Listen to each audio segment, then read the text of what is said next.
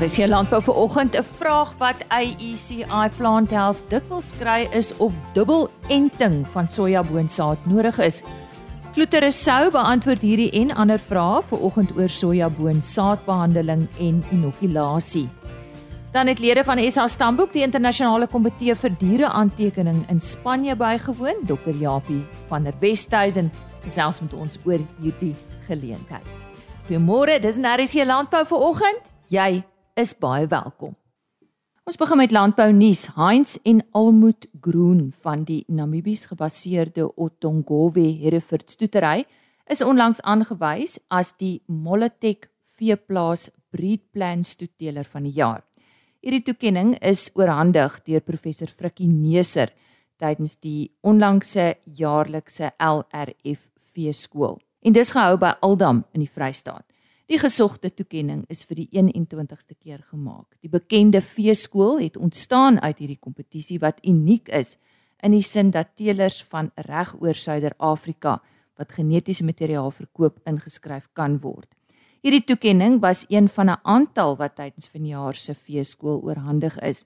Ander toekennings het die Michael J Bradfield gedenkbeurs ingesluit wat aan Elandri de Bruin, hoofuitvoerende beampte van Wagyu SA gegaan het. Die beurs bied die ontvanger die geleentheid om te studeer vir 'n MSc of PhD by die dieregenetika en teeleenheid van die Universiteit van New England.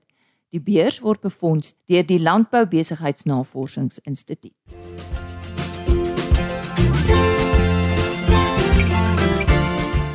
Ons gesels vandag weer met AECI Plant Health en uh met Kloete Resou. Hy is tegniese adviseur in die sentraal streek. Nou sy onderwerp is sojaboonsaad behandeling en inokulasie.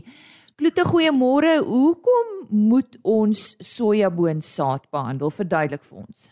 Goeiemôre Lisa, goeiemôre aan die luisteraars ook. So Die boer staan met twee opsies in sy hande. Natuurlik hy kan reeds behandelde sojaboonsaad koop of natuurlik die saad wat hy terughou self behandel en inokuleer. So inokuleer is die proses wat ons dan nou gebruik om 'n biologiese komponent op oppervlak te vestig. So hoekom is saadbehandeling so noodsaaklik? So saadbehandeling gee vir jou daai voorvoet of vir die oes om mee te begin, want dit is die naaste behandeling aan die saadpit, so dit is definitief ook die mees krities en die ruimte waar peste en pla dan kan uh, posvat op die saad word dan baie baie kleiner gemaak. Hoe moet die boer te werk gaan om sy saad te behandel? So daar's 'n paar stappe wat gevolg moet word vir jou optimale saadbehandeling. Ehm um, eers is natuurlik kry die nodige kennis in, praat met 'n gekwalifiseerde ehm um, gewasadviseur, maak seker die produkte wat jy aanskaf is reeds getoets, die aktiewes van die biologie is hoogs gekonsentreerd, baie suiwer en dit kom daarop neer doen jou huiswerk want goeie huiswerk verseker natuurlik dat ons 'n goeie resultaat op die einde van die dag gaan kry. Tweedens moet onthou word dat slegs 8 ml of 8 mg van 'n uh, aktiewe produk mag per kilogram saad gebruik word. Ek gebruik die woord mag want uit ondervinding het ons gesien dat enigiets meer begin ons probleme optel met planttyd wanneer die saad bietjie natterig word en die klas van goed. Derdens, ehm um, dis natuurlik die volgorde van toediening op die saad. So wanneer die saadjie behandel word, sal ons eers ons harde chemie neersit. Ehm um, meeste van die tyd 'n swamdoder of 'n insekdoder. Dan tweedens sal ons die rhizobium opsit wat dan 'n ionodilus vir jou gaan vorm. As dit moontlik is, 'n beskermer ook saam met daai ehm um, inokulant. En dan laaste kom jou poeier toediening by. Ehm um, dit bestaan ook meeste van die tyd uit 'n trichoderma of 'n mycorrhiza. Ehm um, en dit is ook hoofsaaklik vir daai gewasbeskerming, maar ook help dit met die vloeibaarheid van die saad omdat dit 'n droë poeierbehandeling is, sal hy die saadjie dan lekker afdroog en baie kere 'n glans opsit wat seker maak dat jy nooit sal sukkel met die planter. Dan laastens, baie belangrik, is om 'n goeie saadmenger te gebruik sodat 'n mens die vorige stappe baie noukeurig kan kontroleer. Wat is die grootste uitdaging met inokulasie? So die grootste uitdaging vir enige inokulasie is die omstandighede waaronder die biologie moet lewe. Dis daarom belangrik ons eh, rhizobium wil so graag as moontlik in die grond wees, dis waar hy lekker veilig en beskerm is. So daai tyd tussen behandeling en plant, dis die grootste uitdaging. Ons wil dit so klein as moontlik hê, maar ongelukkig daar is weer omstandighede wat uh, nie altyd saamspeel nie. So dis weer eens nodig om te kyk na 'n kwaliteitproduk om seker te maak dat jou leeftyd op die saad uh vir jou gaan werk in jou praktyk. Kloete, wat beteken nodulasie? So die nodulasie is daai knoppies wat jy op jou sojaboon gaan sien as jy hom uit die grond uittrek. En dit is letterlik waar die rhizobium gaan infekteer het in die wortel en dit is waar daai rhizobium dan vir hom sy stikstof van voorsien. So hoe die nodule dan nou te werk gaan is hy trek atmosferiese stikstof aan, skakel dit om na plantbruikbare vorm toe en dan stoot dit direk binne in die wortelstelsel in vir die sojaboonplant om dan te gebruik. Moet ek as boer dubbel ent? Dis 'n vraag wat ons baie kry, net om almal gerus te stel. Ent en inokuleer is dieselfde proses. Dis maar net uh verskillende terme wat gebruik. So dit kom daarop neer met enige saadbehandeling vir op die sojabone gaan dit oor die getalle van jou biologie. En dubbel end beteken nou jy gaan jou inokulant bo op die saadjie sit en natuurlik gaan jy invoerbehandeling ook doen sodat jy soveel as moontlik rhizobium in daai area kan kry waar die wortels gaan vestig. So die algemene aanbeveling gewoonlik oor dubbel end is as jy in marginale gronde werk of uh, organies arm gronde en natuurlik vir die eerste keer sojaboontjies gaan vestig, definitief doen vir ons 'n dubbel end. Klote baie dankie vir daardie waardevolle inligting. Uh, daar sal natuurlik produsente wees wat graag met julle wil gesels. Uh, wat stel jy voor? 100% ons is enige tyd oop om te help. Um ek dink die maklikste is as hulle gaan kyk op ons webwerf om hulle naaste gewasadviseur te identifiseer natuurlik saam met die gewasadviseur is daar altyd toegang na ons tegniese adviseurs toe wat hulle met graagte sal help. So dis dan al vir eers van my kant af. Ehm um, plantseisoen is om die draai. Ek weet die manne in die ooste is al reeds besig om om reg te maak vir die plantseisoen. So ek wil net vir die produsente sê sterkte met daai seisoen en ons is altyd daar om te help. En dit was dan Kloete Resou, tegniese adviseur vir die sentraalstreek by AECI Plant Health. Vir meer inligting www.aeciph.com, daardie PH staan vir Plant Health. www.aeciph.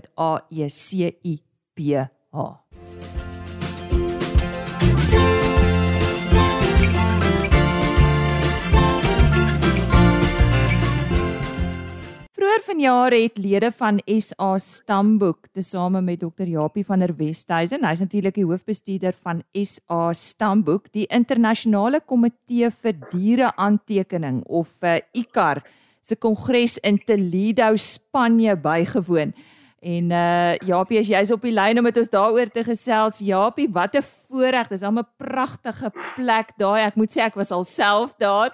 Uh vertel ons net waarom het SA Stamboek hierdie geleentheid bygewoon en en wie is Ikar om presies te wees? Ja, dankie Lisa, dis dis lekker om jou te praat. Ja, dit is 'n lekker plek om na toe te gaan of 'n wonderlike plek om na toe te gaan, maar ons het uh, was ook eintlik maar daar vir besigheid. Uh miskien net so 'n bietjie agtergrond oor Ikar, International Committee for Animal Recording, ehm uh, wat gesetel tans gesetel is in Nederland, maar is 'n internasionale organisasie en en dit is die enigste organisasie op liggaam in die wêreld wat uh diere aantekening, die stelsels, die verwerkings van data, genetiese evaluasies uh kan sertifiseer of spel sertifiseer en akkrediteer. Akkreditasie gaan nou 'n bietjie verder waar melklaboratoriums byvoorbeeld of oorplaatjies of wat ook al ook geakkrediteer kan word uh deur ICAR. Uh en uh natuurlik is dit 'n vereiste in Suid-Afrika in terme van die diereverbeteringswet dat sou jy 'n geregistreerde owerheid wees dat jy moet kan bewys lewer dat jy aan internasionale praktyke voldoen. So Stamboek wat 'n geregistreerde owerheid is, is dan 'n lid van ICAR al wat hele klompie jare en ehm um, ons skiet tog onderwerp ons daaraan dat ons uh, hulle internasionale sertifisering dan ook kry om om die ouens wat by ons aanteken is dan seker dat ons aan internasionale standaarde voldoen. So dis dis dis 'n wese wat ICAR is. Nou uh, uiteraard aan die een kant gaan dit dan nou oor oor 'n uh, sertifisering of internasionale riglyne, maar aan die ander kant het het ICAR ook subkomitees en werksgroepe uh, wat uit vrywilligers bestaan. Uh, sub die belangrikste subkomitee byvoorbeeld is Interbull wat die internasionale genetiese evaluasies van melkbeeste doen waaraan ons ook al 'n hele paar jaar deelneem. uh Interbeef wat dit vir vleisbeeste doen en dan's daar 'n klomp ander werksgroepe. Uh ek gaan nou nie almal noem nie, maar wat belangrik is ook by op internasionale vlak vir diere aantekening ensovoorts.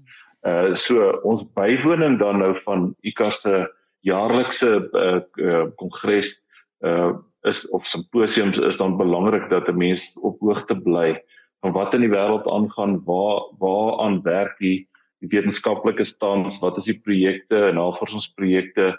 Uh ICARS is, is baie meer prakties in die sin van dat dit nie uh jy weet soos 'n genetiese kongres of so is waar dit net navorsers is of universiteite of of sulke liggame nie, maar dis ook mense soos ons byvoorbeeld wat betrokke is by die praktiese aantekening van diere en die genetiese evaluasie weer die blakteelwaardes ensovoorts. So ehm um, en dis hoekom dit belangrik is om skouers te gaan skuur met ek wil amper sê die bestes in die wêreld en die ouens wat die beste praktyke volg uh om diere aan te teken en daai aangetekende data uh te gebruik uh, in inligting en bestuursinligting en ander inligting uh wat van belang is vir gewone produsente, gewone boere uh wat met melk produseer of vleis produseer of wol produseer uh en hoe om dit te gebruik en natuurlik die beste seleksiebesluite te maak.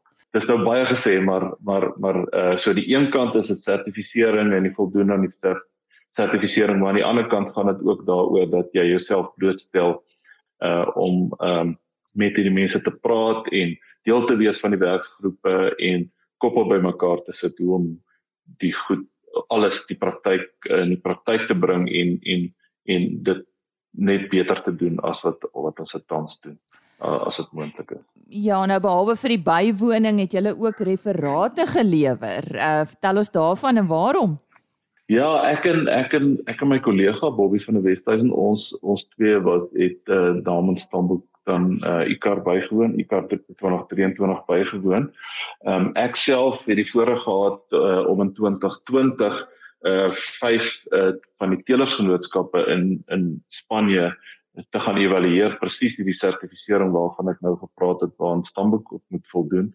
Uh ek is een van die uh sogenaamde expert groep uh wat evaluasies doen. So ek het ek het van hulle genootskappe gaan evalueer en uh hulle het my gevra om daaroor terugvoer te gee. So my referaat daar uitnodigingsreferaat was ehm uh, se titel was Auditing Five Spanish Beef Cattle Breeders Associations for the ICA Certificate of Quality uh, Experiences of an Auditor. So dit was my my een terugvoer en natuurlik ek dink die mense van Spanje uh het met uh uh met aandag gaan luister wat uh, wat my opinie was oor uh wat by hulle gebeur en hoe hulle die praktyke uitvoer. En dan het ons twee ander referate gehad.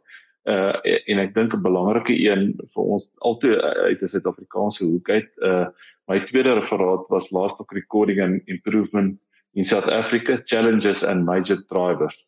Uh omdat ons prakties uh amper terugrapporteer wat gebeur in ons lande en hoe ons die ons die dinge doen in terme van aantekening en hoe ons die syfers gebruik. Uh het ek net gevoel dis belangrik dat die wêreld moet ook weet uh wat wat ons uh uitdagings is in Suid-Afrika en hoe ons dit oorkom. En dan Bobby se referaat uh het meer oor genomiese seleksie gegaan, the application of genomic selection in South African uh implementation, adaptation, challenges and future prospects. Uh sy mede-auteurs was ek self, uh Dr. uh um Denise Moster, uh, Dr. Elena Tron en Jason Redding wat ook uh, by stamboek is. Ehm um, en ons kon eintlik uh, spog oor dit wat ons bereik in terme van genomiese teelwaardes uh vir Suid-Afrikaanse boere ehm uh, uh, in drie gevalle die melkbeeste wat ons uh, die drie rasse uh, insluit in genomiese teelwaardes en dan die vleisbeeste waar ons nou reeds al agt rasse het wat genomiese teelwaardes kry en dan die marines uh by die kleinvee. Ja, Pie, nou ek is seker uh die uh mense wat luister wil weet nou goed, wat het julle teruggebring? Wat is die voordele? Wat waarna kan ons uitsien? Deel 'n paar goed met ons. Ja, ek ek ek ek het genoem uh Elise dat jy weet een van die belangrikste goed van van die bywoning van so iets is die, ek wil amper sê die skouerskuur mm. met ouens wat dieselfde uh, goed doen as jy en wat wêreld nie beroemd is nie, maar wat wat op wêreldvlak ook navorsing en ontwikkeling doen en toepassing. So ons het uh, ons het 'n paar goed. Ehm um, uh, ek gaan dit nou maar nie noodwendig in volgorde van belangrikheid nie, dis maar soos wat dit baie keer gebeur. Ehm um, uh, iemand wat ek nou al jare lank ken, Gerben de Jong by wat by CRW in Nederland werk. Uh, ons kan kon met hom om 'n tafel gaan sit en sê uh hoe lyk die laktasiekurwes uh uh van melkbeeste en wat is die nuutste wetenskaplike metodes um uh om dit te, te emuleer of om te modelleer? Uh ook genetiese evaluasies vir melkurium stikstof en hoe dit die doeltreffendheid uh hoe jy verskille in doeltreffendheid tussen melkkoeie kan kan meet wat dit aan betref dan 'n tweede persoon uh met wie ons kontak al al baie jare het is Romy O'Donnell van Weatherbeast uh laboratorium in Ierland wat ook genomiese ontledings doen. Hulle hulle doen so net oor 'n miljoen diere 'n jaar vir ICBF, die Irish Cattle Breeders Federation en ons kon 'n bietjie by haar kers opsteek hoe om prakties ehm um, van hierdie uh uh data te interpreteer.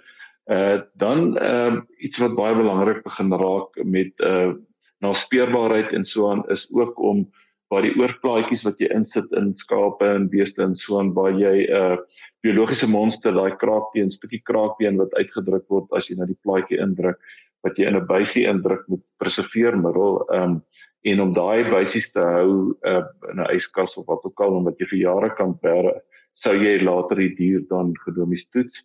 Uh, ons het met twee maatskappye daaroor gepraat en ons ons is besig om te onderhandel om 'n lekker oplossing vir ons te kry vir al vir kleinvee by beeste is dit nou maklik jy pluk 'n stukkie sterthare en jy bære dit ver maar by kleinvee is dit nie so maklik nie uh, en om met bloed te werk is nie altyd so so goed nie en en uh, jy kan dit byvoorbeeld nie buiteland bestuur nie en so voort. So uh, ons is opgewonde oor oor die uh, dit wat ons daar kan doen.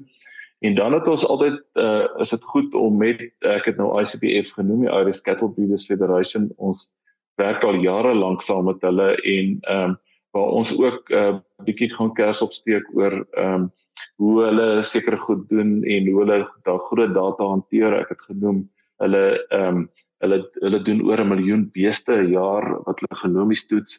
So uh ewe skielik het jy 50000 datapunte per bees ehm um, as jy genomies toets. Uh hoe hanteer jy daai databasisse en so aan.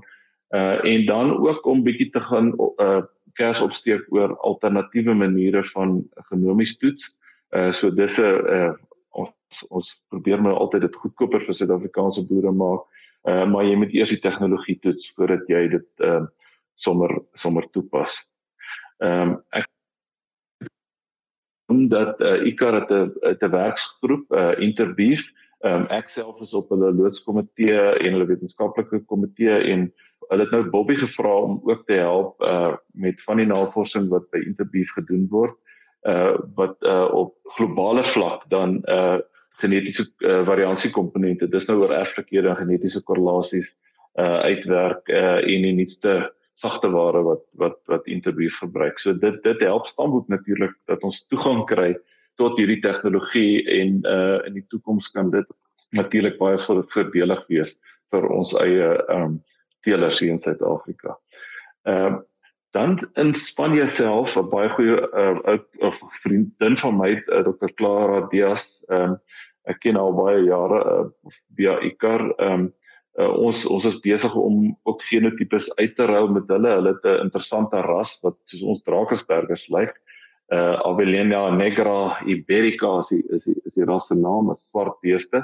En ons gaan 'n bietjie genotipes uitruil om te kyk uh, hoe verwant is daai diere uh, genomies of geneties hoe ver lê lyk mekaar uit. So dis nou maar daai nuuskierigheid wat 'n ou ehm um, altyd het uh, uh, as jy 'n wetenskaplike is wat dit al betref. Uh en, en en ons wil hulle ook help met ons sogenaamde rasleutels. Jy weet ons ons werk uh sogenaamde breed keys of rasleutels uit om die suiwerheid van rasse te bepaal en en die ouens stel belang in die en hoe ons daai somme maak. Jy weet so dis dis maar dit werk al twee kante toe. Ehm um, ek weet nie of ek nog tyd het nie. Ek het nog 'n paar 'n paar goedjies. Jy kan nog so Ja, ek dink ons moet daar's afsluit Japie, so as jy dit net maar net kortliks vir ons kan noem. Baie dankie. Uh goed, ek ek dink ehm uh, uh, in die tyd wat ons wat ek in Spanje was, uh was dit in die voorloop uh, van ISAC wat in Suid-Afrika se hou. ISAC is die International Society for Animal Genetics wat in Kaapstad gehou was nadat ek teruggekom het en ek toe ook genooi was om 'n sessie voorsitter te wees. Um, ons kan miskien by 'n ander geleentheid bietjie oor ISAC praat. Dis baie meer teoretiese genetika uh, en daar daar's 'n hele klomp Suid-Afrikaners wat daar was en ek dink uh, luisteraars sal nogal belangstel oor hoe dit ook die veebedryf uh, kan beïnvloed mm -hmm. in die mhm. toekoms veral op molekulêre genetika vlak. So ek dink dit is dis iets wat uh, wat wat belangrik was. Ek dink dit was 'n goeie voorbereiding hierdie ehm um, hierdie hierdie gedeelte wat ons kon bywoon. Ehm um, ek ek wil net miskien in afsluiting sê die die tema uh, by by ICAR 2023 is sogenaamde resilience, die Engelse woord wat jy seker in Afrikaans as veerkragtigheid uh, kan vertaal. Dis korrek. Uh, en dit gaan ja, dit gaan daaroor dat dat diere geselekteer moet sal moet word in die toekoms om by die verandering in die omgewing in die om, uh, veral klimaatsverandering uh, aan te pas en en oor 'n langer termyn eintlik winsgewend behoort te word in, in plaas van net jy weet net oor 'n kort termyn net in 'n voerkraal of net op jou plaas uh, in die hele waardeketting. So ek dink ons sal al hoe meer begin hoor van resilience of veerkragtigheid uh in seleksieprogramme. Ehm um, so so ek dink dit is dis iets wat ons ook kan terugbring uh om te sê hoe lyk ons teeldoelwitte in Suid-Afrika uh hoe selekteer ons ons melkbeeste, ons vleisbeeste, ons skape en ons bokke uh om ook veerkragtig te wees en en oor die langtermyn uh wins vir ons uh teelers uh te bewerkstellig. So ek gaan eers hier stop uh Lisa. Daar's hy ja. Alles ja. wat ek nog hele program op. Dis hy. Uh, maar dis reg lekker uh om met jou ook hier oor te kon praat. Ja, Japie, baie dankie. Ek dink ons gaan nog so twee of drie keer met jou moet gesels oor al hierdie interessante aspekte en uh as ek nou lees die artikel wat oor hierdie ICAR kongres geskryf is in een van ons veeplaas tydskrifte, dan kan ek sien daar is nog 'n hele paar goed waaroor ek en jy kan gesels volgende keer. Baie baie dankie Dr. Japie van der Westhuizen, hy's hoofbestuurder van SA Stamboek en hy het vandag onder meer met ons gesels oor hulle onlangse besoek of vroeër in die jaar aan die ICAR kongres daar in Spanje. En uh, ICAR is die internasionale komitee vir diere aantekening. Dis dan weer tyd om te groet tot môreoggend. Johan van der Berg natuurlik terug met ons weersake. Dan praat ons ook oor blomme. Pretoria se blomme, daarna by Delmas, bestaan sedert 1987 en ons gesels met Leon Pretorius oor daardie bedryf en watter uitdagings hulle ook natuurlik in die gesig staar, maar dis Oktober maand, die mooiste mooiste maand en ons het dit goed gedink om natuurlik hierdie maand bietjie oor blomme te gesels. Geniet jou dag, tot môre, totsiens. RSG Landbou is 'n plaas media produksie met regisseur en aanbieder Lize Roberts en tegniese ondersteuning deur Jolande Rooi.